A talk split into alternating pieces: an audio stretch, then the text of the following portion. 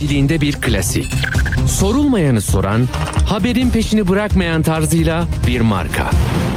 Atilla Güner'le Akşam Postası, gündeme damga vuran konu ve konuklarla hafta içi her akşam 17'de Radyo Sputnik'te. Akşam postasından hepinize iyi akşamlar efendim. Evet bugün 1 Şubat yeni bir aydasınız. Ne düşünüyorsunuz? 102 gün sonra ne yapacağınızı düşünüyor musunuz? Kararsızlardan mısınız? Ne yapıyorsunuz? Bir oraya bir buraya mı gidiyorsunuz? Kitaplara mı bakıyorsunuz? Önerilere mi? Siyasilerin o veciz ifadeleri arasında size huzura kavuşturacak, daha adil, daha özgür bir memleket işaretlerini görebiliyor musunuz? Ne yapıyorsunuz ya? Zor işiniz değil mi? Hakikaten zor ya. Yani şimdi mesela dinliyorsun, dinliyorsun, dinlediğin şeyin tam öyle olamayacağına dair bir kanaatin var. Ama dinletiyorlar. 28 televizyonda, 46 gazetede, bilmem ne 3000 internet sitesinde bu söylenenler böyle kıpraşıyor yani. Konuşuyor, laflar var, hikayeler var, çok ikna edici sözler var. Ee, bilmiyorum. Yani ben şimdi mesela bu gürültü patırtı içinde nasıl bir zaman ayıracaksınız da bu işleri çözeceksiniz ben bilmiyorum yani. Hakikaten e, enerjinizi nasıl sağlıyorsanız sağlayın. Bak işler hakikaten zor yani. Tamam. Şimdi mesela bugün size Türkiye Cumhuriyeti'nin kaçıncı olduğu tartışılan Cumhurbaşkanı var. Bir de partisi var. Partisi adına milletvekilleri var. Orada konuşuyor tamam mı? Şimdi ne anladım onu söylüyorum ya ben bazen ne anladım. Yani Recep Tayyip Erdoğan çıktı işte 50 dakika konuştu. Bir şunu anladım. Bu altılı masanın hazırladığı o kapsamlı e, ortak politikalar mutabakatını çok önemsemiş. Yani biz yeni şeyler söyleyememe e, gibi bir sıkıntı içindeyiz. E, bunlar ne söylüyor diye çok çalıştırmış, herkesi çalıştırmış. Sonra dedi ki zaten dedi sırası geldikçe dedi bütün bakanlıklar ve yetkililer açıklama yapacak buna dedi. Şimdi e, konuşmasının vallahi üçte ikilik bölümü buna ayrıldı. Bu ne demek? Bir dakika bunu tespit etmek lazım. Bir kere şu. Yani bak gündem belirlemekte çok başarılıydık. Hep böyle olalım dediğinde gündem neydi biliyor musunuz son yıllarda? İşte ya Sezen Aksu'nun şarkısı ya Gülşen'in İmam Hatibi falan böyle herkes konuşuyor. Bir de yüklenme imkanı var tamam mı? Haydi Allah hop hop hop bak böyle yaptılar diye. Şimdi öyle şeyler azalınca hani bu muhalefet cephesinde de dikkate alınması gereken bir mesele diye konuşuluyor ya. Ya pot kırma. Yani pot dediğin şu. Hani dangıl dungul konuşma. Derdini anlat. Ee, şey yapma. e, Tuzağa düşme gibi. Neyse gündem belirlemede artık Millet İttifakı'nın bu bileşenlerinin rolü olduğunu anladık. Ee, dün gazetelerde yani gazeteler derken hadi bir tane ya şu gözlüğü takıp çıkarmama kızıyorlar ama olsun. Ben böyle yapmazsam görmüyorum artık. Şimdi e, dün çekmiştim ya burada bir saniye. Sabah gazetesinin e, spotlarını okumuştum size. O da şöyleydi. E, yani ne anlamışlar, ne diyorlar? Ha masadan şey var. Kayyuma son PKK'ya mesaj bu. İstanbul Sözleşmesi'ne evet LGBT'yi destekliyorlar. KHK'ya ihraç e, ile ihraç edilenlere e, göreve döndüreceğiz diyorlar ya. Onun, ay darbeciler geliyor. Sonra da bir de şehir hastaneleri. Bak burada 5 madde var. 5 madde dün Sabah gazetesinin birinci sayfasındaydı. Bugün de Erdoğan'ın metninde. Bazen hani gazetelerin neyi yazabileceklerine dair böyle bir fikir e, jimnastiği yapmak istiyorsanız hani grup öncesi e, Sabah gazetesinin birinci sayfasına bakarsanız o zaten bu tür metinlerin yazıldığı yerin ruh halini, heyecanını, üzüntüsünü, hüznünü yansıtıyor. Ee, ben evet bu ses meselesinde bir patlama olduğunu söylemiştim. Kısa bir ara verelim onu bir test edelim olur mu? Hadi bir tanıtım verelim. Seçime giden Türkiye'nin çok sesli radyo haber programı. Akşam postasından hepinize iyi akşamlar efendim. Her görüşe açık, özgür bir platform. İyi yeter ya 20 yıl olmuş ya. Bir de değiştirmek lazım. Tamam gelen adamı beğenmezsek o da kötüyse onu da göndeririz. Kılıçdaroğlu eğer Cumhurbaşkanı olurum derse yine ona veririm ama olmazsa vermeyi düşünmüyorum. Ekonomik mük de iyidir. Gerçi biraz pahalı olmuş ama karşılığında mesela köprü yapmış, tünel yapmış. Bunlar var. Ecevit zamanında, Demirel zamanında bu şey oluyordu. Karşılığında bir şey de yoktu. Atilla Güner'le Akşam Postası hafta içi her gün saat 17'de Radyo Sputnik'te. Radyo Sputnik WhatsApp hattı sizden haber, bilgi ve yorum bekliyor. Sesinizi kaydedin WhatsApp'tan 0505 171 66 56'ya gönderin, yayınlansın. Evet yani bugün Adalet ve Kalkınma Partisi'nin grup toplantısında e, Erdoğan'ın söylediklerine bakıyorduk. Ses daha düzgün herhalde. Tamam. Yani Sabah gazetesi ne demiş? E, Yani Erdoğan'dan önce oraya onlar e, sabah konuşuyor ya AK Parti adına. Ne dedilerse bugün Erdoğan onu söyledi. Yani bir kayyuma son diyoruz. Bak onlar öyle diyorlar. İşte bu e, şey PKK'nın belediyeleri diyorlar. Siyasal bir parti HDP'ye. Arkadan kanun hükmünde kararnameyle atılan yani o kadar düzgün insanlar, o kadar üretken insanlar, ne darbeyle ilgileri vardı ne bir şey. 15 Temmuz'dan sonra aa bunlar yaramaz, çizin bunları deyip attıkları insanlar Anayasa Mahkemesi'nde hep e, tazminat kazanıyorlar. Bugün de var. Bugün de hocalar öyle. İşte HDP'li bir milletvekilinin grup yöneticisinin kardeşi diye atılan doktoru tazminat davası açmış, reddetmişler. Anayasa Mahkemesi olmaz böyle şey diyor. Yani başkasının kardeşi yurt dışında gelemiyor FETÖ'den, KETÖ'den, öbürküsü bilmem ne oluyor bir yere. Ee, en önemli darbeci komutanın kardeşleri millet şey oluyor, e, büyükelçi. Yani böyle o bu kadar olmaz diyor yargı. Anladınız mı? Peki FETÖ, KHK, PKK, kayyum sonra bir de LGBT şehir hastaneleri. Aynısı Erdoğan'da vardı. Erdoğan diyor ki bunları diyor bürokratlar yazmış. Eski, eski teknokratlar yazmış diyor. Bunların diyor yazamaz edemez böyle bir şey. Sonra da diyor ki e, ya diyor Batı'ya selam vermek için bunlar böyle yapıyorlar. Bak diyor Babacan da şey dedi ya aferin diyecekler bize.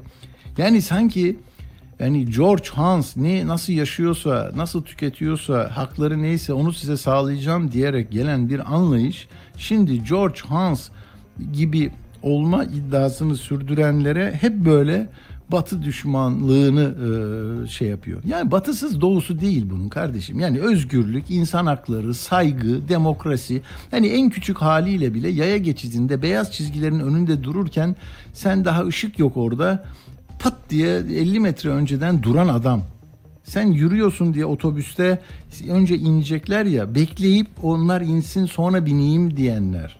Yani karşıdakilerin haklarını bırak onların ağ babalarının yaptığı kötülükleri, işkenceleri, e, katliamları. Öyle diyorlar. Onlar böyle de falan. Yani ne oryantalist ol ne de bilmem ne. Ya bu bu batısı doğusu falan yok ki bunun. Yani o zaman tamam abi. Yani işte Çin'deki gibi yürüyün e, herkes görüntüden sizin yüzünüzden baksın kredi versin. Bu adama evde vermeyin. Yani yüzünden senin ne olduğunu e, böyle böyle şeyler olmaz. Yani dört buçuk saat bir liderin e, cumhurbaşkanı da olsa ne olursa olsun 18-20 televizyonda canlı yayınla propaganda yapması diğerlerine de bir dakika yer verilmemesi adalet duygunuzu zedelemiyorsa ne diyeyim ben yani. Şimdi Çankaya'yı yeniden yaşatacağız, külliyeyi boşaltacağız dedi ya Millet İttifakı. İşte bu akşam TRT'de e, propaganda olarak çıkacak Sayın Cumhurbaşkanı ve siz de Çankaya Köşkü'nde göreceksiniz kendisini. İşte Çankaya Köşkü yaşatılıyor diyecek. Ama orada atlı şeyler yok. Hani böyle e, işte 16 devletin temsilcisi, Türk devletinin temsilcisi, palalı malalı arkadaşlar yok. Şey yani Çankaya'ya Nasıl giriyorsun? İşte Ankara'da gazetecilik yaptım biliyorum. Sakin bir şekilde gireceksin oradan. E, kenarından da yürüyebilirsin yani Çankaya'nın. Tamam mı? Ç- şeyin yolu kapalı şimdi. Külliyenin öyle. Ben bir gittim Ankara'ya son zamanda. Aman Allah'ım ya. Yani Beyaz Saray'ın oradan yürüyorsun. İngiltere'de sarayların önünde yürüyorsun falan. Bir tek bizde böyle 72 milyon şey ne 1 milyon yani 7, 7, 700 korumayla konvoylar falan filan. Böyle bir şey. Yani bu bu büyüklük tamam mı? Büyüklük böyle yani adliyenin büyük olması, hastanenin büyük olması, binaların büyük olması, havaalanında indiğinde büyüklük. Ya bununla değil ki büyüklük ölçüsü bu değil. Hani nitelik nitelik içinde ne var? Dışından bunlar var. içinde ne var? Bak Anayasa Mahkemesi'ne son dakikada atadığınız değil mi? Yani 20 günde e, oradan buraya, oradan Yargıtay'a, Yargıtay'dan Anayasa Mahkemesi'ne şimdi İrfan Fidan'ı başkan yapmak için kulis varmış.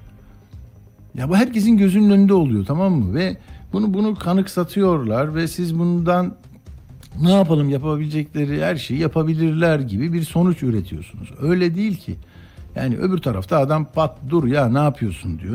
Bilmem ne diyor yani konuşuyor, anlatıyor, derdine bakıyor. Her televizyona çıkıyorlar, konuşuyorlar. Neyse işte LGBT ile başörtüsü konusunda da son bölümü e, enteresandı. Yani yeni hiçbir iddia yok ama 2023'ün ben ha dur onu unuttum.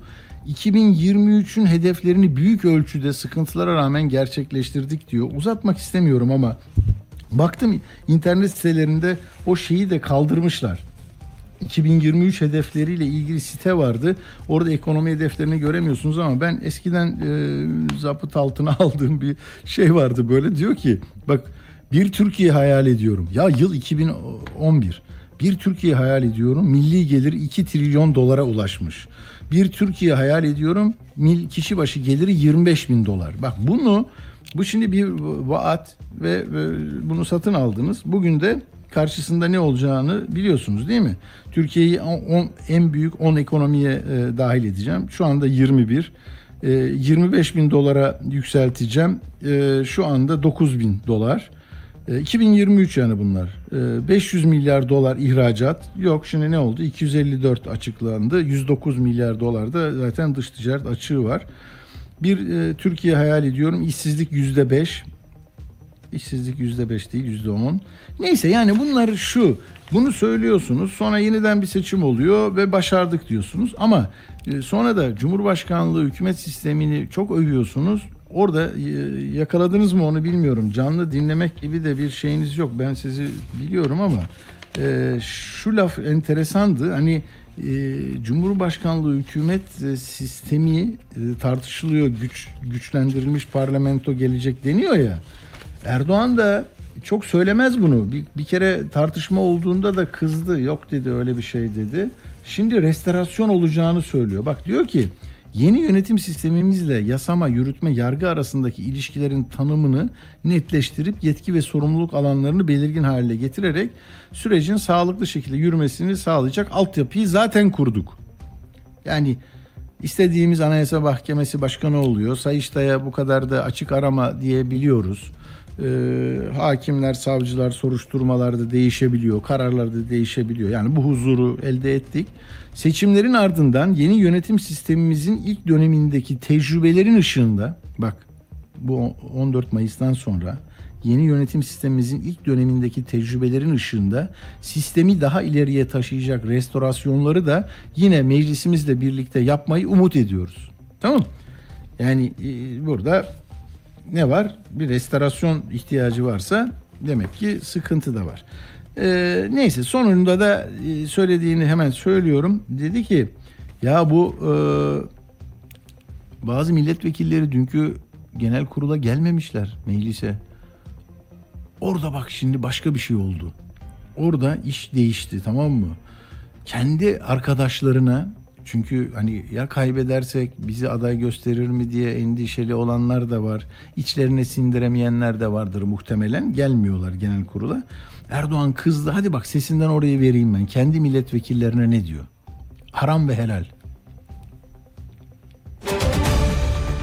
Bu millet kendi kasasından, kendi kesesinden maaşı veriyor. Ve bu maaşla beraber milletvekili arkadaşlarımız bu görevi yapıyor. Ama genel kurulda eğer yoklamalarda benim milletvekili arkadaşlarım bulunmazsa ki dün böyle oldu bu millet hakkını sizlere helal etmez. Helal etmez. Eğer kim gelmediyse ben de onlara hakkımı helal etmiyorum. Çünkü bu sıradan bir olay değil. Sıradan bir olay değil. Eğer milletvekili adayı olmuşsan arkadaş burada görevini hakkıyla yerine getireceksin. Eğer hakkıyla yerine görevini getirmiyorsan bu millet sana hakkını helal etmez. Ve aldığınız maaşlar haramdır haram bunu da böyle bilin. Evet bu haram e, helal meselesinin e, sadece bu konuda hani maaş veriyoruz gelin buraya ama maaşı millet veriyor. Ben bir şey söylüyorum yapmıyorsunuz. Gelin diyorum gelmiyorsunuz. Başka bir şey. Milletle vekili arasındaki bir mesele değil. Listeleri hazırlayan liderin ya bak bir de sana o kadar maaş veriyoruz. Bir de imkan sağlıyoruz. Kardeşin, çoluğun, çocuğun bir yerlere gidiyor. Bir de benim istediğimi yapmıyorsunuz diye böyle bir şey diyor. Ya Saadet Partisi liderinin e, bugün e, şeyde m, Fox TV'de Temel Karamollaoğlu konuktu. Ee, çok enteresan. Orada da e, yani bu israf meselesi İslami bakış açısıyla milli görüşçü bir liderin Erdoğan yönetimine nasıl bir e, eleştiri getirdiğine tanıklık ettim bir kez daha. E, kuvvetli lafları vardı. Yani e, şey dedi ya e, Allah korkusu yok ki böyle şeyler yapıyorlar bunlar. Yani her konuda e, sıkıntılı bir tablo ortaya koyuyorlar dedi. E, peki bunu burada bitirelim. E, Erdoğan'la ilgili abi İsveç'e tabii şey söyledi. Dedi ki işte sen unut artık şeyi çünkü Kur'an-ı Kerim'i yaktırdın. Bak Finlandiya'yı al- Finlandiya'yı alacağım seni almayacağım. Ee, bu- bu buradan yani. Şimdi ama e, tabii söyledikleri arasında o bay bay Kemal'i de vereyim sana. Hani yeter söz milletindir bizim de aldın. Bay Kemal dedim sana ünlem işareti var onu da gittin aldın. E yani o da başka bir iletişim e, mücadelesi veriyor. Senin elindeki silahı e, alıp kendi siperine koyuyor. Bu, bu, bu da, da tabii e, sıkıntı verici bir şey. Ama e, buralarda yeni bir şey görmedim. Yani e, kötülerken e, bu e, evet LGBT, PKK, FETÖ denilen hukukun, adaletin işleyeceği yerle ilgili böyle bir korkuyu vermek e, ihtiyacı var galiba. Bir de başörtüsü aile aman sesleniyorum herkes buna oy versin bakın bunu bir daha tarihin e, şeyinde hesap veremezsiniz gelin e, yapın, e, oy verin. Yani bu iradeye e, ne diyor? E, şey, yapıyor. Vicdanınızın sesiyle evet diyeceksiniz. 400'ü geçecek bu diyor ama yok yani kendi milletvekili gelmeyince diğerleri ne yapsın? Peki şimdi hocamıza bağlanmadan bir iki dakika hocamızdan e, şey zaman alalım. Akşener'in Altılı masayla ilgili de söyledikleri var. Türkiye'nin geldiği noktayla ilgili söyledikleri var. İlginç Sinan Ateş'le ilgili kuvvetli lafları var. Hem Davutoğlu'nun hem de Akşener'in. Bunları kaçırmamak lazım. Altılı masadaki e, meseleye geçmeden Akşener'in teknolojiyle ilgili söylediği var. Onu ben şimdi zamansızlıktan söyleyemem ama bakın Türkiye'nin hani ithalatı mesela e, ihracatından yüzde 40 daha fazlayken 109 milyar dolar açık verirken sadece ihracat rakamını verip rekor kırdık. Cumhuriyet tarihinin en büyüğü falan demeleri e, mümkün biliyorsun ama pek çok şeyi de gö- gözlerden kaçırmış oluyoruz o zaman. E, Akşener biraz onu çalışmış uzmanlarıyla. Teknoloji ile ilgili söylediğine bir bakalım. Küresel piyasalarda yüksek teknoloji ürünlerinin oluşturduğu pazar son 20 yılda toplam pazarın %35'ine ulaşarak 15 trilyon dolara yükseldi. Ülkemizde ise yüksek teknoloji ürünlerinin ihracattaki payı %3 seviyesinde kaldı. Yani bu oranla Malezya, Polonya, Meksika, Peru gibi ülkelerin bile gerisinde kaldık. Bugün 600 milyar dolarlık yarı iletken pazarından Türkiye'nin aldığı pay sıfır. 150 milyar dolarlık LED panel pazarından Türkiye'nin aldığı pay sıfır. 8 trilyon dolarlık bilişim sekt- sektöründen Türkiye'nin aldığı pay binde birin altında. 150 milyar dolarlık pil endüstrisinden Türkiye'nin aldığı pay sıfıra yakın. Evet yani siyasetin ve kamplaşmanın hani kutuplaşmanın ayrışmanın tribünlerde ayrı şarkıları söylemenin e, sonucu Türkiye'nin gerçekten nereye doğru e, seyir halinde olduğunu kaçırma imkanı var. Ne diyor? İşte bak e, sadece Erdoğan'ın konuşmasını dinleyenler o televizyon anketi yapılmış ya dün e, Can Selçuk'iden verdik. %86'sı sadece Erdoğan'ı dinliyorum diyor. Dolayısıyla yani bir paralel gerçeklik, paralel bir evren oluşuyor. Orada oluyorsunuz. Siz de desteğinizi sürdürüyorsunuz falan. Yani işler öyle çok kolay değil. Bu kadar iletişim aracı, e, bu kadar e, bombardıman, iletişim bombardımanı. Peki altılı masa ile ilgili olanı söyleyelim. E, Akşener hani bir Kılıçdaroğlu'nun adaylığı ile ilgili böyle tereddütleri var deniyor. Bakın böyle bir açık mektup gönderdi. Onu da kısa dinleyelim.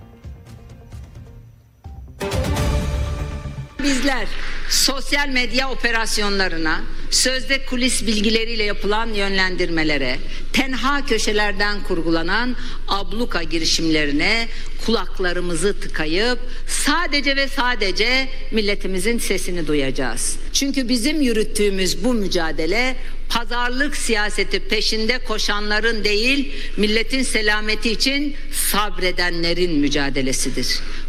Bu mücadele zulmün karşısında istiklalin mücadelesidir. Bu mücadele istibdadın karşısında hürriyetin mücadelesidir. Ve bu kutlu mücadele hiçbir kaprise, hiçbir inada kurban edilemez. Hiçbir şahsi hırsa, hiçbir koltuk hesabına feda edilemez. Milletin iradesi dışında hiçbir iradeye boyun eğmez. Evet burada var yani mektubun satır aralarını siz okuyun. Yani Kemal Bey'in adaylığı her ne kadar e, başka hususlarda da ba- başlık açılabilirse de e, esas mesele böyle görünüyor. E, İsmail Saymaz yazmış zaten ortak politikalar mutabakat metniyle birlikte geçiş sürecinin yol haritasını da öğrenmiş olacaktık. Orada e, Akşener e, hani bu Cumhurbaşkanı'nın yanında altı yardımcı böyle bir konsey, Milli Güvenlik Kurulu gibi bunun iyi olmayacağını, e, Türkiye'yi Cumhurbaşkanlığı hükümet sisteminden Cumhurbaşkanlığı yardımcılığı hükümeti sistemine geçirmek olacağını söyleyip bunu durdurmuş. İleride e, tekrar e, ele alacaklar. Danışma kurulu önermiş. Bakalım adı ne olacak bunun? Yani belli. Bugün işte dedim ya Temel Karamollaoğlu e, Fox TV'de sabahleyin İlker'in konuydu. Dedi ki yani e, en az bir bakanlık alacağız. Ee, sonra da işte oy oranına göre artacak. Yine bazı danışma kurullarıyla da işi götüreceğiz dedi. Yani gerçekten e, orada da e, seçimin şimdiden kazanılıp e, böyle gelecek olan e, yani geliyor gelmekte olan deyip heyecanlanıp hani sen bir mi alacaksın ben beş mi alacağım diye şey yapıyor. E, ve e, şey e, Bakalım nasıl olacak. Ee, Şimdi herkes mevziyi kaybetmek istemiyor ama anketler de diyor ki AK Parti %31.3 Konda diyor bunu bak. Yani önemli bir e, şirket değil mi araştırmacı. Ne yapmış? O 300 e, 3531 denek 31 ilde bir- 1.7 yüzde 1.7 hata payı AK Parti e, yüzde 31.3 CHP 22.4 İyi Parti 17.9 e, HDP 10 1.1 MHP 9.3 düşüyor böyle. Ee, işte ufaklarda da Mele- Memleket Partisi İnce'nin 1.4, Refah 1.1, Zafer 1.1. Ee, şimdi Millet İttifakı 40.3'te kalıyor. Ee, Cumhur İttifakı 40.6'da. Yani böyle bir hani foto finişle bitecekmiş gibi bir hava var. Bu önemli. Ee, acaba e, buradan ne çıkar e, bilmiyorum ama İstanbul Ticaret Odası'nın enflasyonu da e, 79.68 tamam mı Ocak'ta. Yani nereden geldi? 105'ten geldi ama işte baz etkisiyle böyle oluyor. Ee, biz şimdi hemen e, Emre hocamızla konuşacağız. Emre hocamız da bağlanmış. Profesör Emre Erdoğan Bilgi Üniversitesi'nden. Hocam merhaba hoş geldiniz. Merhabalar, hoş bulduk. Hocam bu e, dünkü e, a- 30'undaki açıklamayı sonra siz de e, hem bir kelime analiziyle e, değerlendirmişsiniz ama burada kelimeler bize gerçekten e, asıl e, şeyi veriyor mu? İklimi, duyguyu, e, yörüngeyi veriyor mu? E, bunu küçük bir e, şey olarak mı, veri olarak mı kabul ediyorsunuz? Şimdi şöyle bir şey zaten baştan onda ben bir iki defa da yazma şansım oldu. Bu tür Hı hı. belgeler ne anlama geliyor? Onu bir düşünmek gerekiyor. Yani bu sadece parti programları, hükümet programları ya da çeşitli deklarasyonlar dış politikada da geçer. Ne anlam ifade ediyor? Evet. Şimdi bunu hani e, niyet beyanı olarak görenler var. Ne demek? Burada söylüyorsa yapacak. Hı hı. Ama çeşitli çalışmalar gösteriyor ki e, liderler verdikleri sözlerin %30 ila %60 arasında bir şey tutuyorlar. Bir miktarını tutuyorlar. %60 tutan da Trudeau. Yani gayet sevilen bir kişi bile Hı %60'da. hı. hı. E, Donald Trump %30'da. Dolayısıyla bu tür metinlerin ne anlama geldiği konusunda çok fazla tartışma var. Bazı Evet. niyet beyanı olarak görüyor, bazıları da söylem olarak görüyor. Şimdi bu metne de bu şekilde yaklaşabiliriz. Buradakiler yapılır yapılmaz. Bunun hiçbir garantisi yok. Yapmazlar. Tabii. Kimse size dava açmıyor. Ama burada kullanılan kelimeler yazanların zihin haritasını bize bir Hmm. miktar sergiliyor. Bazı kelimeler daha fazla ön plana çıkmış olabilir. Şimdi aslında bunu iyi bir şekilde okuyup bu metni, kalabalık bir metin, uzunca bir metin Tabii. yorumlamak gerekiyor. Bunu biz eleştirel söylem analizi diyoruz normalde. Hı hı, Orada hı. yazan her şeyin arkasında burada neyi kastetti, orada neyi kastetti gibi. Bir de metin analizi dediğimiz bir şey var, ruhsuz. Hı. Yani orada ne olduğunu hiç önemsemiyor. Bunu geri hani aynen bu girdi bu çıktı diyor. Zaman bazen de çok girip çok çıkıyor. Buraya baktığımız zaman işte bir tane fikir uygulayarak daha iyi, iyi iş yapmaya çalışıyoruz. Benden çok daha iyi yapan kişiler var. Onlar daha iyi bağlantılar da kuracaklar ama burada bir hassasiyetler dizisi görüyoruz aslında. Çok basit Hmm. bir şekilde baktığımızda. Bazıları daha fazla kullanılmış, bazıları daha az kullanılmış. Bu da o işe yarıyor bir tür göz, görselleşme. Farklı göz, görselleşmeler de yapılabilir her zaman ama buraya baktığımız zaman bazı konuların ön plana çıktığını, bazı konuların ise geride kaldığını görüyoruz. Bu da o metni yazanların zihin haritası hakkında bir fikir veriyor ama asla oturup okumak, yorumlamak kadar kaliteli bir bilgi vermiyor onu söyleyeyim. Hocam bir de çok özür dilerim. Burada bir- birden fazla yapı olduğu için de ortaklaşma adına tabii ne kadar e, siz e, kendinizden veriyorsunuz karşı tarafla ne kadar yakınlaşıyorsunuz değil mi? O da önemli. Yani İstanbul Sözleşmesi olunca hani şimdi kadın hakları konusunda ne diyeceksiniz?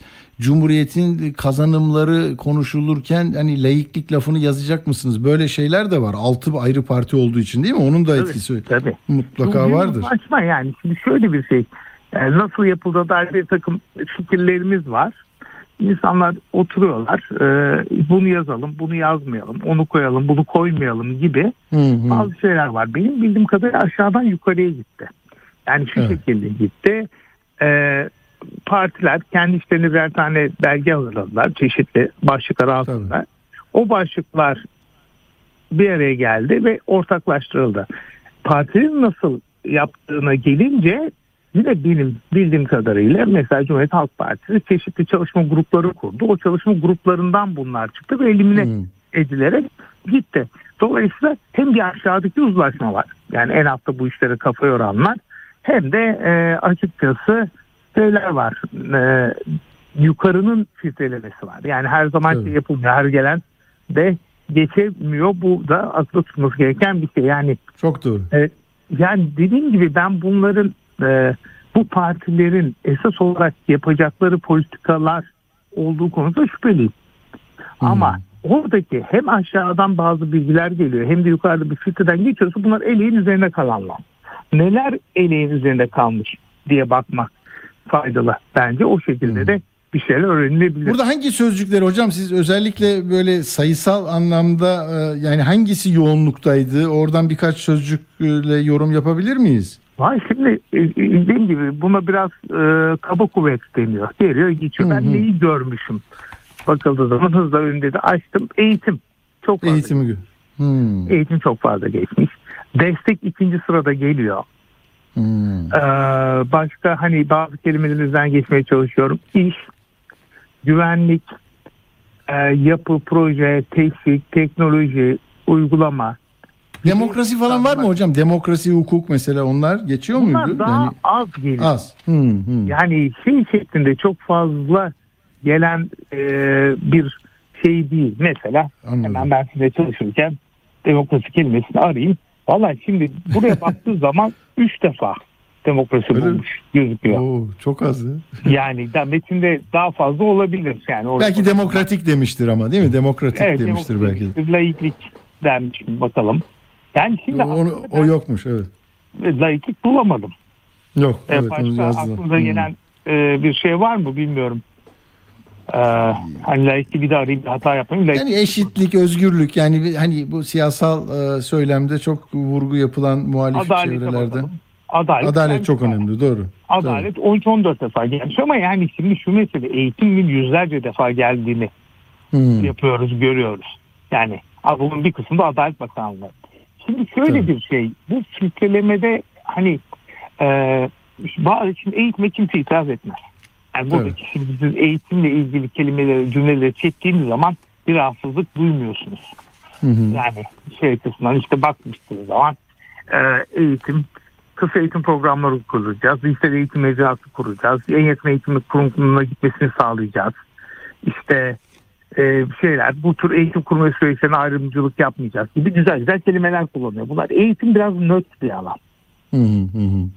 Ama işte laiklik aman biraz sorun Değil çıkabilir. Ee, yani e, işte İslam Sözleşmesi olmadığını biliyoruz. Mesela Hı. kadın kelimesini arayalım hangi bağlamlarda geçmiş. Yani bütün kadın dediğimizde Aile Çocuk Kadın Aile Bakanlığı niye ne yapacaklarmış? Kadın temsil atacakmış. Kadın haklarının korunması. Önce demem ben böyle baktığım zaman ikna oluyorum. Ya bu insanlar kadın üzerinde fena bir şey yapmamış ama ne yapmışlar? Kadın haklarını koruyalım, kadın girişimciliği demişler. Kadın yöneticilerin sayısını arttıralım demişler. Ee, kadın eğitimcilerin kanun. Böylelikle kadın hakkındaki fikirlerini veriyor ve şöyle kısaca baktığım zaman kadın hakları konusunda kötü olmadığı fikrine sahip Hmm. oluyoruz. Eğitimde de aynısı. Yani Hmm. zayıf değil. Dolayısıyla şunu düşün olmak gerekiyor. Ya eğitim hakkında konuşulmuş. Kadın da fena konuşulmamış. Yani dediğim gibi ben bir yazım kullandığım için bunları rahat görebiliyorum. Tabii. Şimdi çocuğa bakın çocuk nasıl geçmiş dedim ben benim ilgilendiğim. Çocuk meselesi. E, çocuk da fena kullanılmamış. Yani bir şeyle karşılaştırılmaz ama hem kadınla beraber konuşulmuş. Çocuk işiyle savaşacağız demişler. Harika çocuk yasası. Bunlar çok güzel şeyler. Hı. Yani sanki bütün hepsini didik didik okumak lazım. Ben şu anda değil mi kaba kuvvet yapıyorum. Tabii. Hep bu altın masanın uzlaşabileceği kimsenin itiraz etmeyecek konular var. Yani çocuk bunlardan biridir. Yani çocuk hı. konusunda mesela başka ortamlarda da işte kalkınma bakanlığının hazırlam kalkınma planımız var bizim. Ee, o kalkınma planının hazırlanması sürecinde de farklı insanlar geldikleri zaman çocukta çok fazla kavga çıkmaz. Evet. Çünkü herkes iyi kötü uzlaşır yani. Çok radikal değilseniz çocuklar konusunda herkes sizin söylediklerinizi kabul eder. Gençlik bu biraz zorlaşır. Çünkü genç siyasi malzemedir en de sonunda. Kadında zorlaşır. Daha da zorlaşır ama yani çevre de kolayca uzlaşılabilecek konulardan ama laiklik dediğiniz zaman kıyamet kopar. Şimdi dolayısıyla hani bence yapılma biçiminden kötü kadroları topladıklarını düşünmüyorum. Yani dediğim gibi bir, bir parti nasıl çalıştığını biliyorum ama oturup aklı başında bir dizi öneri bunlar. Ya bu öneri itiraz etmek Evet. için bir sebep yok. Ama mesela Hmm. dış politika daha sorunlu. Yani Hmm. mesela çocuk bunları itiraz etmezse de dış politikadaki bazı cümleler sorunlu olabilir. Şey. Zaten bugün de mesela rakipleri olan Adalet ve Kalkınma Partisi'nin lideri değil mi Cumhurbaşkanı Erdoğan e, orada e, dış politika ile ilgili e, eleştirilere e, özel bir önem verdi yani. Ve işte Batı'ya selam veriyorsunuz şu oluyor bu oluyor gibi. Evet dış politika meselesi biraz daha işi zorlaştırır. Çünkü orada bir siyasi yön vardır. Dolayısıyla şöyle söyleyeyim. iki tür bilgi olduğunu kabaca düşünüyorum. Hı hı. Bir siyasi konular.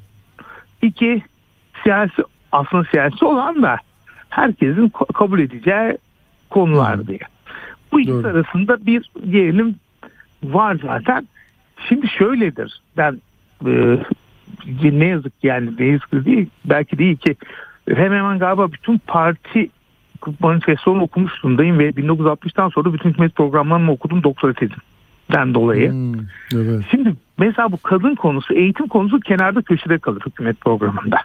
Ana eksen oluşturmaz. Bununla ilgili veri tabanlarına gidip bakabilirler. Bunlar veri tabanlarında tutuluyor. Orada daha siyasi meseleler tartışılıyor. O zaman da dediğim gibi yani bununla uğraşmak lazım. Bunu bir alıp hükümet programlarıyla karşılaştırmak lazım. Sadece yüzeysel olarak söyleyeyim benim hatırladığım kadarıyla bu pek hükümet programı gibi değil. Çünkü Hmm. hükümet programının ağırlık verdiği şeyler burada yok. Yani dış Evet. politika, hükümetin nasıl kurulacağı biraz daha az. İşte vatanın birliği, bütünlüğü, işte Kürt meselesi zaten yokmuş onu söylüyorlar. Sekül laiklik. Mesela Suriye'deki o değil mi? Türkiye'nin denetimi altında kocaman bir koridor var. Ne olacak? Çekileceğiz, gideceğiz. Libya Yani e, bunlar- hakikaten ö- ya iş başa düşünce, iş başa düşünce olacak şeyler gibi. Yani sizinle konuşurken düşünüyorum. e, sanki hükümet programı olmayan bir hükümet programı Hmm. Çok teknokratik. Yani ben Evet. çok memnunum eğitimden bu kadar bahsedilmesinden. Ama Evet. benim bildiğim hükümet programları bu kadar eğitimden bahsetmez. Doğru. Yani bununla ilgili O- hemen referansı da vereyim. Comparative Manifestos Project denen bir şeydir bu. Parti programlarının olduğu yerdir. Hükümet programlarında ne, der, ne var derseniz o benim doktor tezimde meraklısın gidip bulması gerekiyor. Yani nelerden Hmm. bahsediyor hükümet programlarında diye. Doğru. Yani hükümet programları başka şeyler. Mesela Demirel hükümetleri her zaman bir meşruiyetten bahseder. Anayasacılıktan bahsedilir. Halkın üstünlüğünden bahseder. Şaşırmayız Demirel bundan bahsettiği zaman. Aileden bile aileyi korumak diye bahseder. Ya da Evet. şeyde yani kadın çocuk falan yoktur hükümet programlarında. Kenarda köşede kalır. Bir madde iki madde. Şimdi Hmm. eğitim bu kadar merkezde olunca sanki apolitik bir alanda uzlaşmalar sağlanmış. Politik alanlarda da kaçılmış. Onu da ikiye tasnif edelim. Politik alanlarda şöyle tasnif edelim. Bir, belirtilen politik alanlar var. Demek burada uzlaşma sağlanmış. Bir de belirtilmeyen politik alanlar var. Orada da uzlaşma sağlanmamış. Oralar da sorunlu. O zaman işte o politik alanlara bakıp nelerde uzlaştıklarını anlamak lazım ama burada politik olmayan alanları dışarıda bırakarak düşünmek lazım. Bunu değerlendirecek olursak. Yani Doğru. dediğim gibi çok şey yani e, hani ne kadar ciddi alınması gerekir, ne kadar kafa olması gerekir bilmiyorum. Yani bunu Doğru. çünkü Hocam. bu kullanılacağını düşünmüyorum çünkü. He. Hocam bir de ama bu şey de değil ki yani bir doktora tezi değil e, hani bir, bir, bir- bir hakemli dergiye gönderilecek bir şey değil. Sonunda bunun bir muhatabı var. Yani bu neye tahvil edilecek bir metin oy olacak. Yani biz bunun için yapıyoruz. O yeteri kadar gelecek ve biz de e, yeni yönetim olacağız. Şimdi bunu peki o insanlara ulaştırma daha büyük mesele değil mi? Yani hangisini çekip alacaksınız? Kaç maddeyi koyacaksınız? Nasıl insanlar heyecanla, coşkuyla sandığa gidecek? O da işin başka yönü galiba. Şimdi şey yapayım tam önümde. Çocukluk Hmm. çağı obezitesini engellemek için Ulusal Sağlıklı Beslenme ve Hareketli Hayat Programı revize edip uygulamaya koyacak. Okul öncesi ilkokul ve ortaokul seviyelerinde münhasır programlar başlatacağız dediniz. Tamam. Ha, Bunu bunu yapacağız. muhatabı duydu mu bunu? Anneler, babalar, veliler, çocuklar kim duydu bunu? Yani Kim eğitim duyacak? camiası. Duyması gereken kim? Oradan başlayalım. Bu kimin içini titretecek? Ha, Evet. Yani obezite ile mücadele olacakmış. Yani Hmm. önümde Down sendromu, kesik kürbasiz, orak hücreli anemi ile talasemi gibi genetik hastalıkların erken teşhisi ve etkiliği kanıtlanmış tedavi erişimi sağlamak üzere evlilik öncesi genetik taşıyıcılık yeni doğan tarıma. Şimdi kime gitti bu? Hı. Yani bu hangi öykünün bir parçası oldu? Ne anladık? Şimdi şöyle bir şey hani ben e, haddim değil yani bunu Estağfurullah. yazan insanların çok nitelikli olduğundan eminim ben. Yani hiçbir tartışmam ama ben bu sanki şeyi bir parçasıymış ki ben vatandaşın sağlığını koruyacağım. Tamam. Doğudan ölüme kadar koruyacağım. Her aşamada da yanında olacağım. Kapsayıcı, eşitlikçi, maliyetsiz, ücretsiz sağlık hizmeti vereceğim. Virgül özel sağlık sistemine de mahkum etmeyeceğim insanları gibi bir şey. Hı. Nin parçası bu. Aynı şey. Yani ötekisi fibrozis vesaire. Kime ne? Değil mi? Ama kampanyalarda belki bunlar hep elenecek hocam değil mi? Hepimizin ortaklaşacağı hani geçim derdi, yarın endişesi, güvenlik, hukuk, adalet o, oradan bir şey e, eti kemiğe bürünen bir şey çıkacak herhalde. Öyle olması lazım. Yani dediğim gibi kamp zaten şeydir bu. Yani ben her zaman eleştirdim ya parti programını niye okuyorsun ya da hükümet programları üzerine Hmm. doktor tezim yazılır ama çok manalı çıktı hükümet programları açıkçası. Yani çok manalı. Ha uygulanıyor mu? Uygulanmıyor. Yani çok iyi programları herkes Ama onun kim olduğunu tarif ediyor mu hocam? Yani bir insan Çok olsa bu Tabii. ha yani bu insan olsa böyle bir insan, şöyle bir insan değil mi? Evet. Kesinlikle. Onu kim olduğunu anlıyorsun sanki. Hmm, Yani şöyle bir şey hmm. söyleyeyim. İçeriğine bakarak hangi hükümet olduğunu tahmin edebiliyorsunuz. Hangi hükümet olduğunu bilmeden. Sadece Ya, çok, ilginç. Ya çok bu ilginç. çok şey başarı yani o yüzden çalışır. Dildir Hmm. çünkü. Yani kelime tercihinden ziyade tabii yöntem biraz daha farklıydı o zaman. Kavramların kullanılma sıklığı. Anlarsınız. Doğru. Bir de bu Hmm. bahsettiğim Comparative Manifestos Project 1950'lerden bu yana bütün dünyada yürütülüyor. Yani Türkiye'deki partiler ne demiş, diğer partiler ne demiş, gençlere kim ne önem vermiş, çevreden kim bahsediyor. Ha mesela başka bir şey söyleyeyim. Anayasa değişikliği teklifinde ben okudum e, web sitelerinden ve kadına, çocuğa, hayvan haklarına, doğaya ve iklime çok az yer verdiklerini eleştirdim. Hmm. Yani siz anayasa yeni bir anayasa yaparken hani 21. yüzyılın anayasasında bunların yer alması gerekiyor. Hak, hukuk, hak, hukuk güzel de öteki tarafında yer alması gerekiyor. Çünkü farklı sorunlarımız var. Bu metinde bunlar var. Dediğim gibi ben eğitimin birinci sırada 200 küsür defa geçmiş. Benim fikremde bu 135'e iniyor belli bir fikir uyguladığım için. 250 defa eğitim geçmesi iyi bir şey bu metinde. Tabii. Yani bu insanlar eğitimin önemli olduğunu uzlaşmışlar. Hı hı, Ama hı hı. dediğim gibi burada hiç bahsetmedikleri de var. Yok saydıkları da var. Yok saydıkları Türkiye'nin acil problemleri problemler evet. O zaman o soru zaten o soruluyor farkındaysanız. Yani Evet. bu kadar buna önem verdi. Tebrik ederiz ama ötekisinin niye yok denmeye başlıyor. Hı hı. Bu da çok zor bir zanaat. Yani çünkü Evet. içerideki çelişki var. Niye Kürt sorunu yok? Yerel yönetim şartından niyet okuyoruz. Yani Hı. orada yerel, Avrupa yerel Ya. yönetim şartı kullanılacak deniyor. Ha, o zaman demek ki vesaire. Özellik vesaire. diye. Bugün çok ileri yorumlar var ona. Yani Evet. işte PKK'ya yok o, o- o böyle yani neyse çok sıkıntılı Yani yerel yönetim şartı dendiği zaman bu ilk Öyle günden beri bir özellik gitti. Ama ya o değil. Yerel yönetim- Değil. şimdi bu iyi niyet beyanıdır yerel yönetim şartı. Ona uymak. Yani Hmm. dediğim gibi bu ne kadar ciddiye alınması dün saatlerce konuşuldu zaten. E ben de vakit harcadım Evet. gördüğünüz üzere. Yani ben de hiç yok saymış değilim ama sonuçta hani e, kim domine etti dediğimiz zaman buraya baktığım zaman şöyle bir spekülatif iddiada bulunayım. Bence burada kayda değer oranda CHP'nin ağırlığı var bu metin oluşmasında. Sanıyorum daha hazırlıklı gelmiş metinler. E, diğerleri rötuşta ama öngörüm şu ki diğer altılı masalın dört tane sağ partisi biraz veto kullanmışlar. Hmm. Hmm. Yani daha çok hani şey şekli bir liste getirirsiniz listeden çizilir. Tabii. Sizin için- Filtre, filtrelerden geçebilenler gelmiş değil mi? Galiba Son- evet. gelmiş gibi hissim o yönde. Hı hı. Şeyi Yani- duydunuz mu Emre Hocam? Ee, çok özür dilerim. Babacan e, şeyde söyledi İsmail'in programında. Dedi ki biz bu bugün e, konuştuğumuz o, o mutabakat metnini e, kitap olarak bastırıyorduk. Pazartesi işte sözleştik ama cumartesi günü bir lider dedi ki bu buna itirazımız var bizim. Basılı şeyleri çöpe attık, kağıtları yeniden bastık. Onu düzelttik dedi. Yani Düşünün nasıl bir anlayış hani kelimeler, anlayışlar, yaklaşımlar farklılaşıyor ve e, teşkilata hesap verecek ya her parti. Tabii, Or- orada tabii ki. bunlarla e, bö- böyle yürümüş bugüne kadar yani. Yürümesini çok önemli kabul ediyor insanlar ama geldiği içindekilere sor yani hakikaten e, büyük sıkıntı. Peki büyük büyük ba- bakış hocam son 5 dakikada nasıl gidiyor? Tabii. Mesela Erdoğan diyor ki bugün e, Konda'da e, muteber bir yer yani diyor ki iyice bunların arası kapandı. Erdoğan'ın bu hamlelerinden sonra ya da işte muhalefet cephesinin belki hoş karşılanmayan meseleleri yüzünden. Ne diyorsunuz? Yani 102 gün kalmış ve anketlerde de başa baş görünüyorlar. Ya şimdi tabii bu, bu dinleyicilere söyleyeyim. Yani güvenilir anket çalışması bulmak çok kolay değil. Özellikle bu konuda şunu da sormalarını tavsiye ediyorum dinleyenlere. Hı, Parasını hı. kim verdi diye bir sorsunlar. Değil mi? Bir Niye o. ben bu- bunu biliyorum diye sorsunlar. Çünkü manipülasyona çok açık bu işler. Yani şu anda işte biz bir yerde bir web sitesi kurarız, bilmem ne araştırma deriz, her gün anket basarız, insanları manipüle ederiz. Anketler insanların algılarını değiştiriyor. Çok küçük oranda olsa da.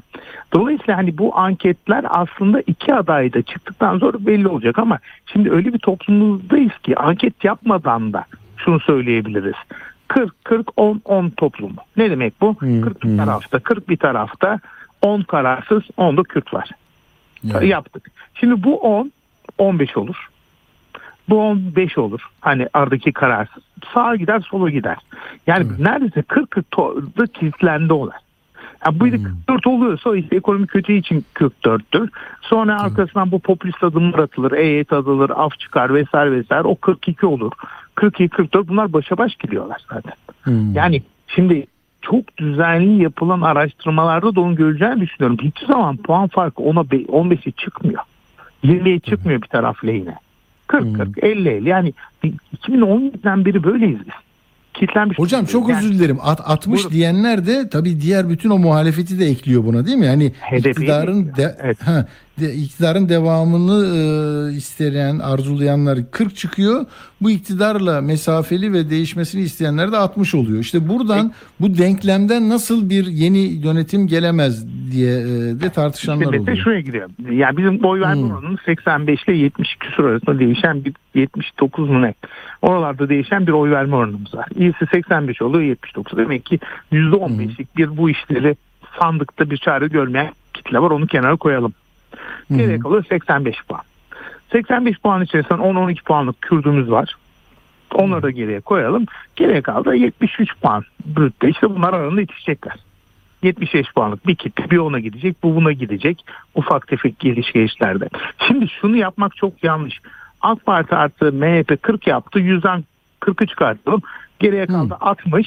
Ha. Demek ki insanların %60 Aldı. istemiyor. Bir kısmı zaten sandığa gitmiyor. Kimse istemiyor. Tabii. Geriye kalıyor bir şey. Kürtleri elde var bir saymakta hata var. Yani hı. Kürtler tabii ki elde var bir. Yani benim öngörüm e, HDP kökenli seçmenlerin AK Parti'ye oy kaydırmalarının neredeyse mucize olduğunu gösteriyor. Hı. Yani orada öyle bir artık uçurum var. Öyle bir kutuplaşma var. Bunların ikinci tercihi, birinci tercihi tabii ki kendi partileri. ikinci tercih Erdoğan olmayan kişi olacak. Hı. Yani orada belki nüanslar gelebilir ama bu demokrasinin mantığına aykırı. Bir insanı size başkası istemediği için oy vermeye zorlatmak çok mantıklı değil çünkü kolaylıkla vazgeçer sizden. Bir insan size size inandığı için vermesi gerekiyor. Ama işte o bloğu inandıracak adımları atmak altılı masayı çatlatabiliyor. Bu da onu görüyoruz. Yani ben dediğim gibi e, hani e, çok büyük bir işte 5 alt yani bir şey olmazsa Türkiye burası. Neden bir şey olmazsa diyorum. Yani işte yüzde 24 civarındaydı 1998 Eylül'ünde Mesut Yılmaz. E, 99 Şubat'ında APA Türkiye'ye getirildi. Bitti parti. %13'e teslim etti. Her oy kaybetti. Böyle bir mucize olabilir her zaman bu ülke sınırları içerisinde. Ama herhangi bir mucize olmazsa 5 ila 10 puanlık bir kesimin karar değiştirmesinden bahsediyoruz. Bütün gürültü bunun için olacak. Geri kalan herkes doğru. kararını verdi. Ee, hani orada çok da Amerika'da da böyle oluyor. Amerika'da da milyar dolar harcıyorlar %5 için. 5 puan için. Hmm. Yani evet bu iş böyle. Siyaset böyle bir şey.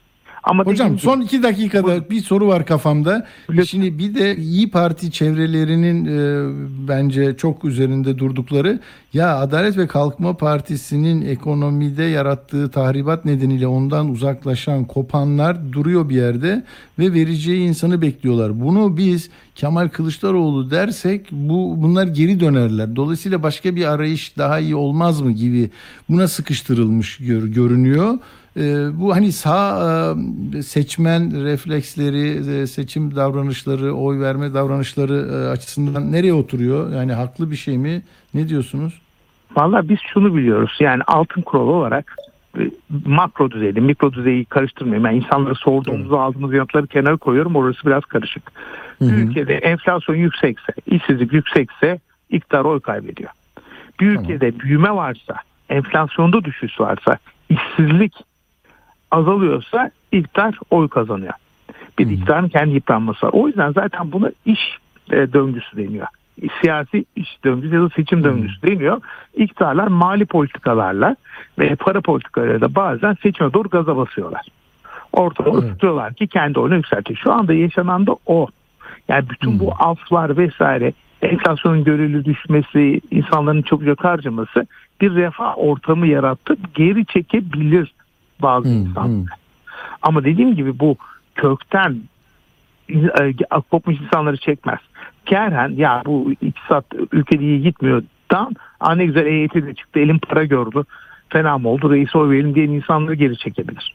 Yani bunu çok iddialı konu. Ben burada şey göremiyorum. AK Parti ekonomi çok kötü yönetiyor. O yüzden de bizim çok akılcı e, New York'ta Washington'da yazılmış iktisat politikalarımızı uygulayacak bir aday çıkartalım da insanlar gelsin onay versin.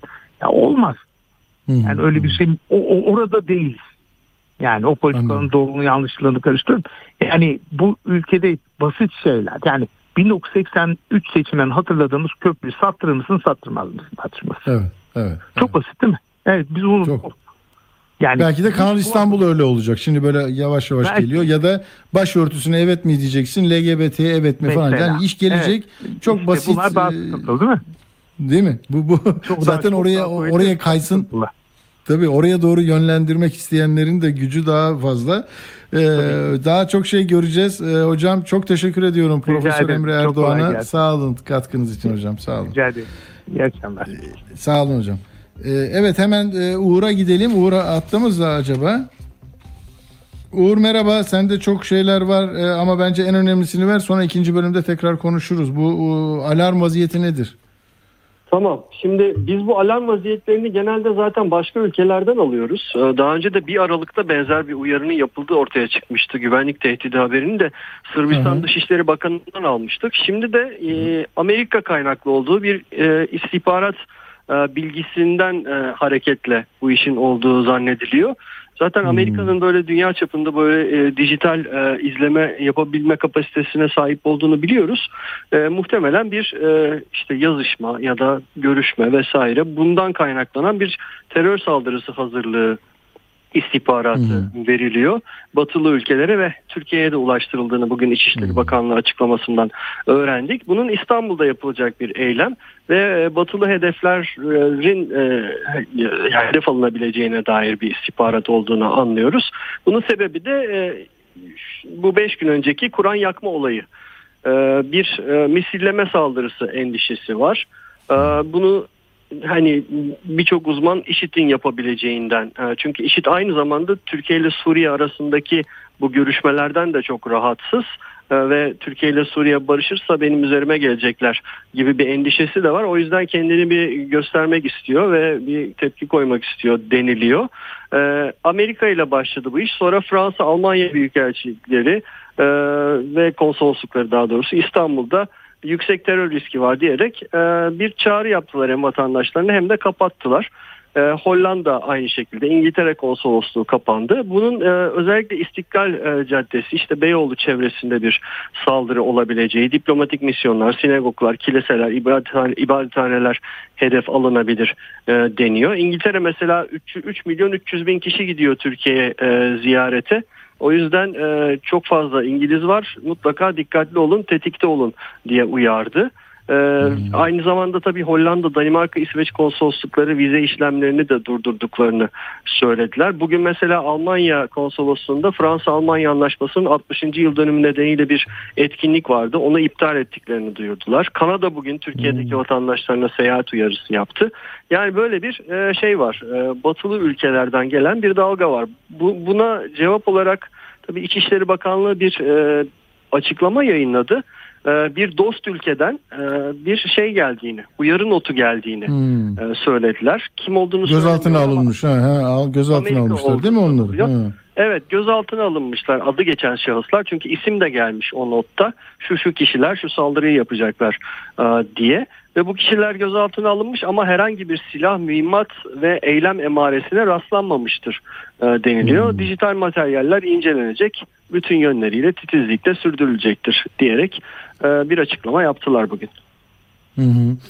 O, peki onun dışında bir 3 dakikamız var Uğur. Sen de başka Tamam bir konu... o zaman. Ee, şimdi bu Schengen başvuruları Türkiye'de çok konuşulan bir şey. Türklere vize verilmiyor vesaire. Ee, o, o konuyla ilgili bir kolaylaştırma getiriyor Avrupa Birliği. Avrupa Parlamentosu'nda da bu kabul edildi. Dünyada e, yani Türkiye için tabii kolaylaştırma değil bütün dünya için bir kolaylaştırma. Dünyada birçok ülke e, dijital vize veriyorlar. Mesela Avustralya bunlardan bir tanesi. İnternetten başvuruyorsunuz. işte belgeleri yüklüyorsunuz. Fotoğrafınızı yüklüyorsunuz. Parayı yatırıyorsunuz. Dijital olarak vizeyi size getiriyorlar. Yani gönderiyorlar. Siz de print a, alıyorsunuz ve o şekilde ülkeye giriş yapabiliyorsunuz. Şimdi konsolosluklardaki yığılmayı e, engellemek için ve insanlar böyle haftalarca bekliyorlar. Randevular çok uzun süreli veriliyor. E, bunun için biz de bu dijital meseleye geçelim diye Avrupa Parlamentosu bir girişim yaptı ve bu kabul edildi. Şimdi Oo. 2024 yılında dijital altyapıyı oluşturacaklar ve 2026 yılından itibaren de artık Schengen vizesi dijital olarak başvuruya açılacak ve insanlar e, başvurularını hem dijital ortamda yapacaklar hem konsolosluklara, elçiliklere gitmek zorunda kalmayacaklar. O aracı e, dijital fir- şeylerin e, vize firmalarının artık işlevsiz kalması sağlanmış olacak Ya. ve çok çok kolaylaşacak bu iş. Ee, Çok tabii e, red kabul meselesinde herhangi bir etkisi olmaz bunun ama en azından bürokratik şeyi e, çok Tabii. hızlandıracak bir şey. E, İngiltere haber. İngiltere zaten çok böyle detaylı başvuru formunu online alıyor ama yine çağırıyor seni. Gel burada göreceğim, fotoğrafını burada çekeceğim diyor. Ee, Hani ben de başvurduğum için çok e, meşakkatliydi hakikaten böyle onların sorularına yanıt vermek. Ee, bitti zannediyorsun. Hayır diyor. Onu yaptın. Ben şimdi görüyorum. Gel bir de burada göreceğim seni. Ee, yani bir sürü sıkıntı, bir sürü paraydı. Doğru, doğru. Çok iyi Doğru. bir şey, çok iyi bir şey. Peki Uğur çok teşekkür ediyorum sana sağ Ben olasın. teşekkür ederim. Görüşmek üzere. Evet. Evet son bir dakika var 6'ya bağlanmak için. 6'dan sonra devam ediyoruz. Biraz yine e, astrofizikçi bir konuğumuz olacak. E, doçent Selçuk Topal'la konuşacağız. Ben bir şeyi söyleyeceğim size. E, bu e, İrfan Fidan'ın adaylığı meselesini söylemiştim ya. Yarın olacak seçim. Orada hakikaten onun seçilip seçilmeyeceğini takip edeceğiz. Sizlere de ileteceğim ben. Zühtü Aslan'ın e, başkanlığı bitiyor ama bir yıl daha üye olacak. E, 15 üye var.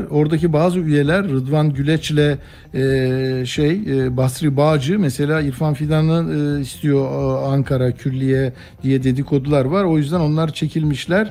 Yani 57 günde Yargıtay'dan e, AYM'ye gelen birisi orada da 57 gün kaldı. Dosya görmedi. Yargıtay üyesi olarak geçti. İstanbul Cumhuriyet Başsavcısıydı. Böyle hızlı hızlı gidişler e, oluyor bu memlekette. Ama e, ne pahasına ve ne- niçin yani adil bir yarışı e, özlüyor insan.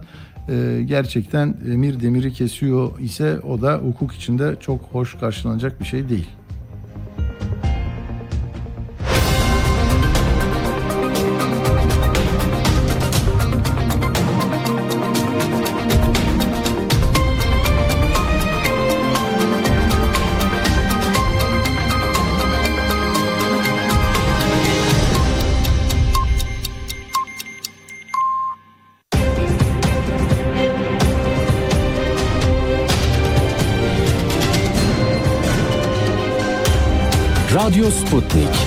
Anlatılmayanları anlatıyoruz. Radyo haberciliğinde bir klasik. Sorulmayanı soran, haberin peşini bırakmayan tarzıyla bir marka.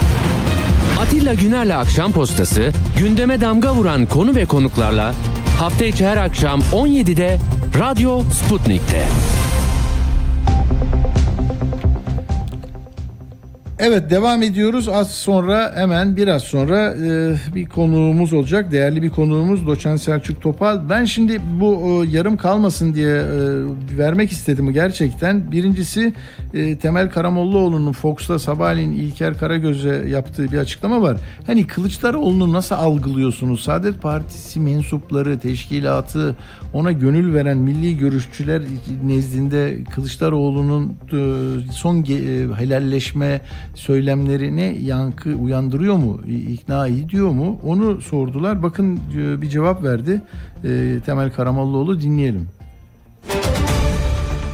Sayın Kılıçdaroğlu aslında Cumhuriyet Halk Partisi'nin politikalarında da bir devrim yaptı. Onu da görelim. Yani bazı ciddi değişiklikler yaptı. Söylemlerinde değişiklikler oldu. Bizim Kudüs'le ilgili yapılan toplantılarımıza geldi katıldı. Erbakan hocamızı anma toplantılarına geldi katıldı ve yaptığı konuşmaların hepsi de bizim tabanımızda da Türkiye'de de genelde makul karşılandı. Yani bunun da bilinmesinde fayda var. Partilerin bir araya gelmesi ille de güçlenecekleri manasına gelmez. Her partinin bir tabanı var. Siz bu tabanda birisiyle irt- irtibat kurduğunuz zaman bir kısmı ben buna razı değilim diyebilir. Onun için herkesin bir araya gelmesi ille de tabanın bir araya gelmesi manasına gelmez. Onun için ittifaklar apayrı bir konudur. Partiler arasındaki özel görüşmelerle neticelenir o.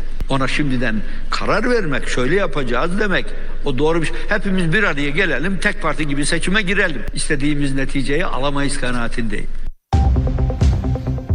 Evet bir konu daha var. Ee, Sinan Ateş e, suikastiyle ilgili üzeri her ne kadar tetikçi hariç e, yani tetikçinin üzeri örtüldü ama çevresindeki çeperindeki bütün organizasyon e, şu anda tutuklu. Fakat iddianame nasıl yazılacak? E, niye Erdoğan e, 32. gündür hala konuşmuyor? MHP ile AK Parti ilişkisini nasıl etkileyecek? Ülkücüler istifa ediyor 17-18 bin. Onlara da e, giderseniz gidin. Hani Erdoğan'ın doktorlara söylediği gibi bir yaklaşım var. E, şimdi e, hem Davutoğlu e, hem de Akşener bu konuda çok baskın e, ve şey yapıyorlar. E, ısrarlı takipçisi kendileri. E, Akşener'in bir bandı var biraz uzun ama bir bölümünü onun e, uygun bir yerinde alarak e, Erdoğan'a seslenişine bakalım. Çünkü her hafta bunu soracağım diyor e, Akşener. Devletin içinde mafyalar, çeteler, uyuşturucu satıcıları kol gezerken Cumhurbaşkanıyım diye ortalıkta gezemezsin, gezdirmeyeceğim. Banu Çiçek'in babasız geçen ilk doğum gününde gece başını yastığa koyup rahat rahat uyuyamazsın. Beni iyi dinle Sayın Erdoğan. Vicdana sığmayanı Türkiye'ye sığdıramazsın. Hiçbir haksızlığa boyun eğmeyenleri ne yaparsan yap susturamazsın. Sinan Ateş'in katilleri nerede? Adaletin yerini bulmasını sağlamak senin Evet. Bir böyle Davutoğlu'nun da videosu var. Ondan da çok kısa bir bölüm verelim. Yani bu hala gündem. Sen Türk siyasetinin en büyük müfterisi olarak tarihe geçeceksin. Kimmiş bu büyükelçi? Hangi ülkenin büyükelçiliğinde kaleme alınmıştır? Çıkar söylersin adamsan. Peki Sayın Bahçeli'nin bugünlerde örtmek istediği dosya hangi dosya? Hepiniz biliyorsunuz Sinan Ateş dosyası, Sinan Ateş dosyası. Bu büyükelçilik hikayesi falan ondan.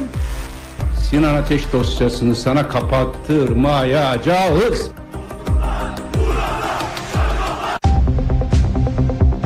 Evet efendim böyle küçücük bir ara verelim. Dünyanın e, dışına çıkacağız. Biraz başımızı yükseklere çevireceğiz. E, doçent doktor Selçuk Topal hocamızla konuşacağız. 50 bin yıl sonra bir kuyruklu yıldızla buluşmayı konuşacağız.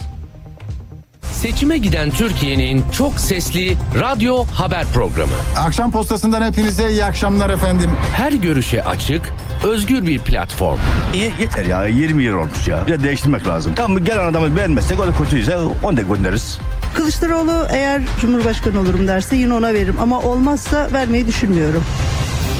Ekonomik miktar iyidir. Gerçi biraz pahalılık olmuş ama karşılığında mesela köprü yapmış, tünel yapmış. Bunlar var. Ecevit zamanında, Demirel zamanında bu şey oluyordu. Karşılığında bir şey de yoktu. Atilla Güner'le Akşam Postası hafta içi her gün saat 17'de Radyo Sputnik'te. Atilla Güner'le Akşam Postası devam ediyor.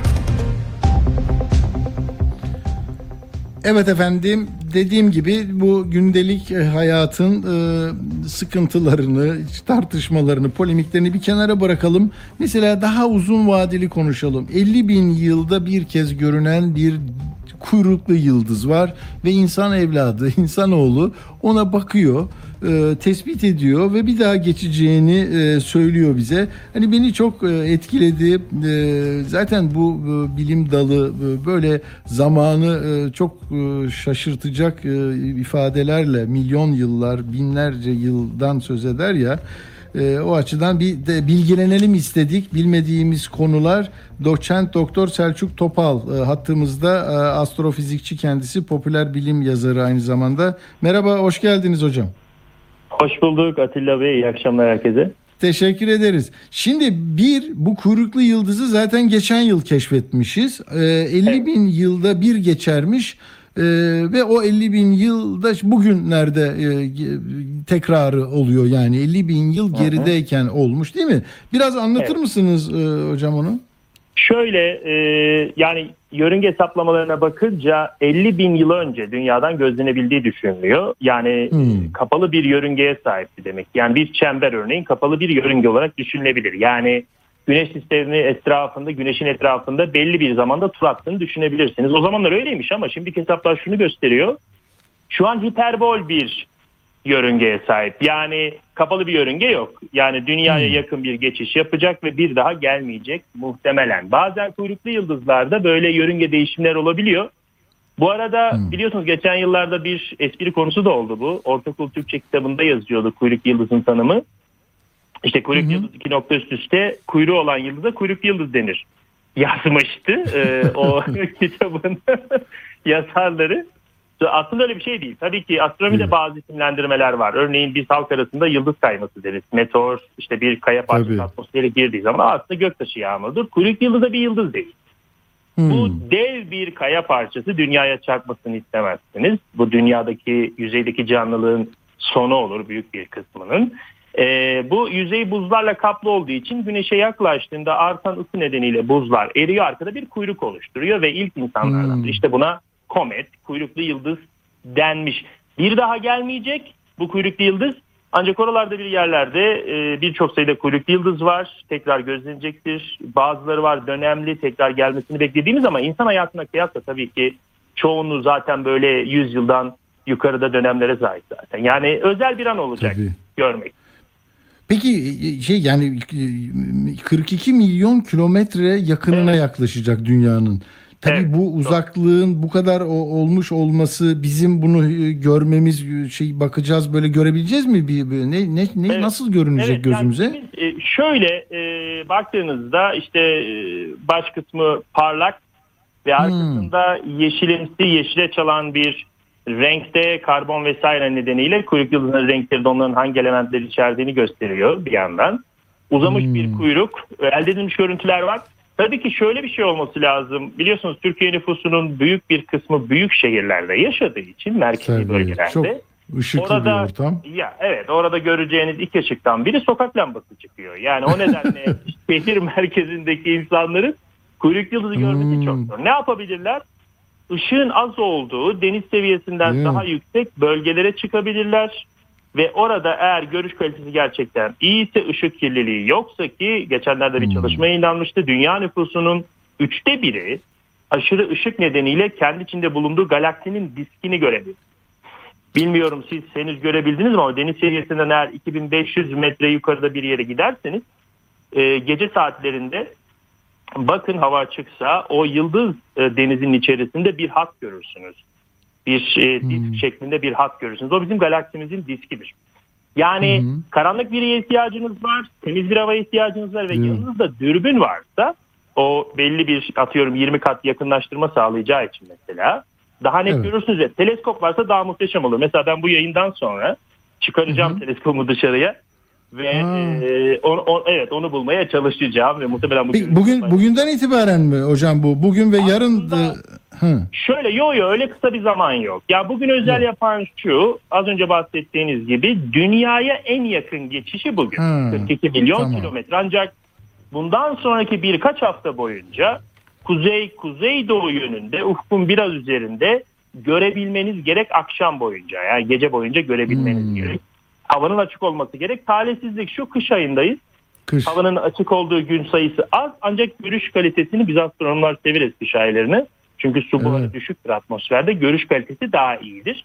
Ee, umarım görürler, umarım dürbünleri vardır veya, umarım yakın çevrede e, teleskopa sahip öğrenci toplulukları veya biliyorsunuz üniversitelerde oluyor böyle topluluklar. Oluyor. Ee, evet, onlar gözlem etkinlikleri düzenliyor olabilir. Yani küçük bir araştırmayla aslında bulabilirler yakın çevrede teleskop. Ama çıplak gözle bir şansımız yok herhalde öyle anladım.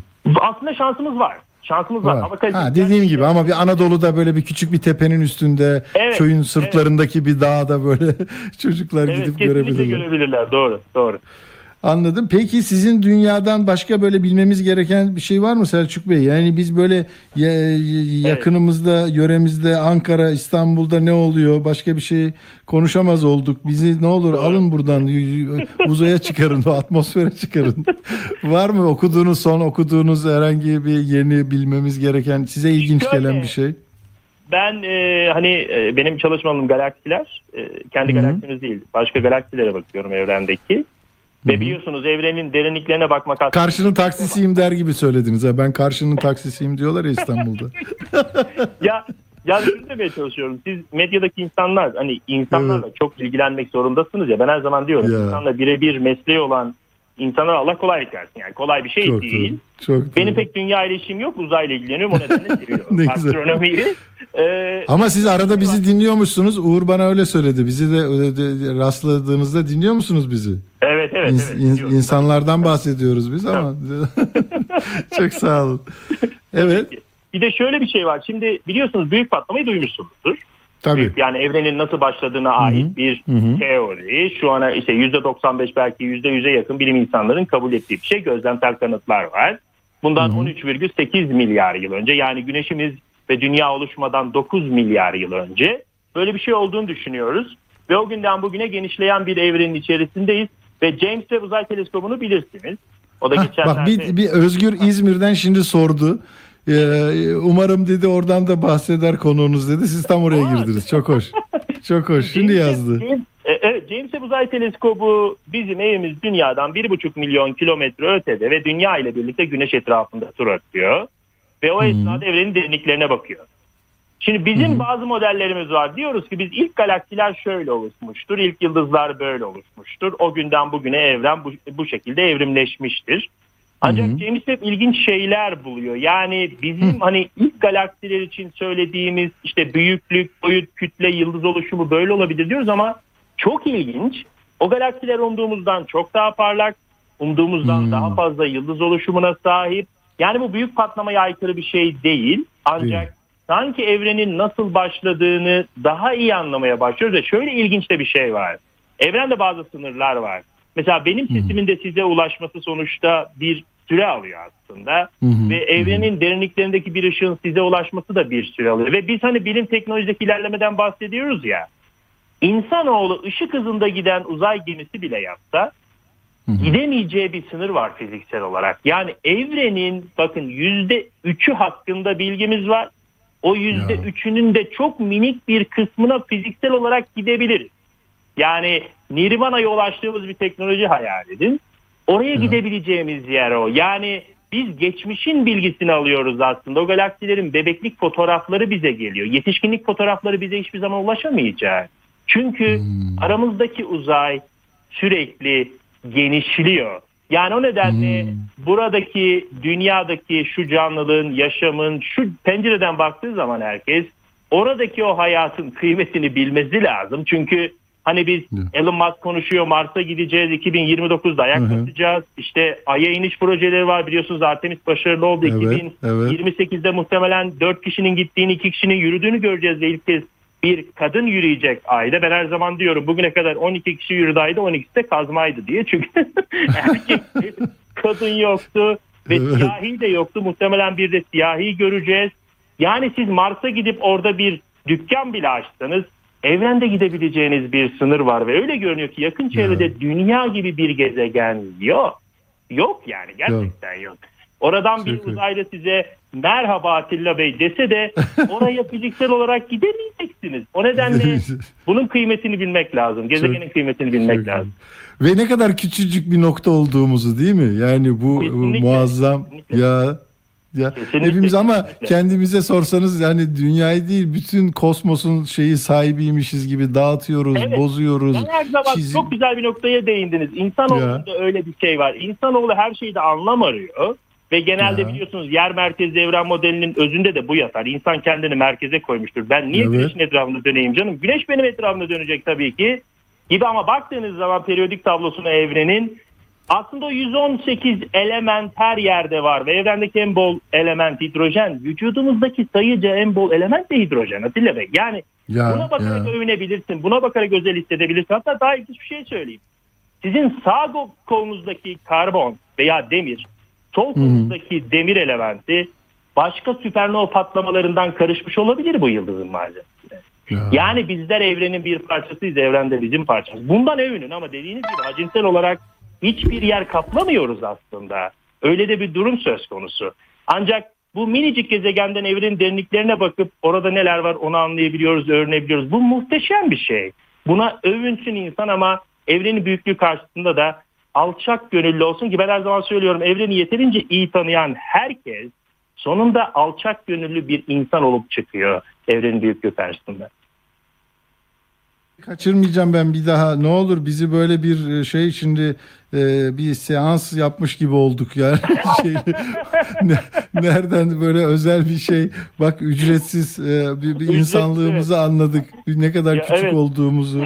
Artık yürüyüşümüz bile değişecek yani bu bu büyüklük karşısında. Çok teşekkür ediyorum Doçent Ben Selçuk Topal'la. Ama zaman zaman kapınızı çalışacağız. Siz de yeni bir şey Evet, olursa evet, lütfen evet. Uğur'la e, temas edin. Tabii Çok ki, teşekkür ediyorum. Tabii ki. Görüşmek üzere. Çok sağ olun. Çok sağ olun.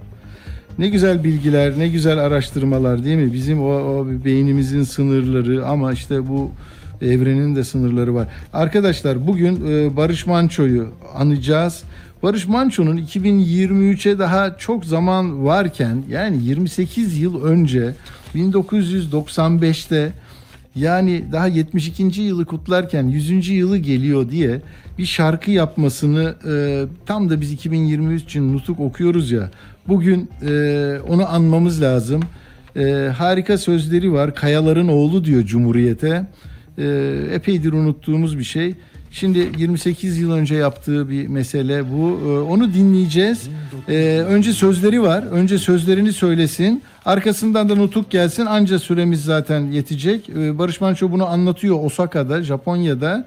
Diyor ki tekrar 80 yaşımda olacağım, geleceğim. Hala yaşıyor aslında. Ona öldü demek ne mümkün. Değil mi? Barış Manço bizim de. Bak Osaka'daki sözleri sonra şarkısı arkasından Mehtap Kepene'nin sesiyle yine 100. yılın e, hikayesini dinleyeceğiz. Çok teşekkür ederim bizimle birlikte olduğunuz için. Parçamızın adı 2023.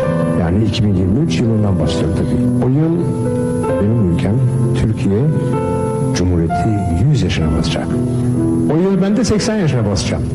2023 yılında tekrar buraya Osaka'ya gelmek istiyorum ve bu parçayı tekrar çalmak istiyorum. 1923'ün ılık bir Ekim sabahında kayaların toprağa dikine saplandığı yerde doğdum. Toprak anayla kaya babanın oğluyum ben. Toprak anam sevgi dolu, bereket dolu. Toprak anam sessiz ama toprak anam dop dolu. Toprak anam, toprak anam ana dolu. Babamsa sağı solu belli olmaz. Bir gürledi mi yer yerinden oynar. Göğsünde çatırdamalar olurmuş. Onun için derdi. Onun için sayısız irili ufaklı kaya parçaları vardır bu topraklarda. Ve sen benim oğlum. Ve sen kayaların oğlu. Bu taşı, toprağı bir arada tutacaksın. Kolay değil kayaların oğlu olmak.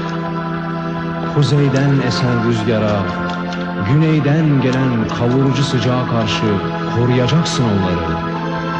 Kolay değil, kolay değil kayaların oğlu olmak.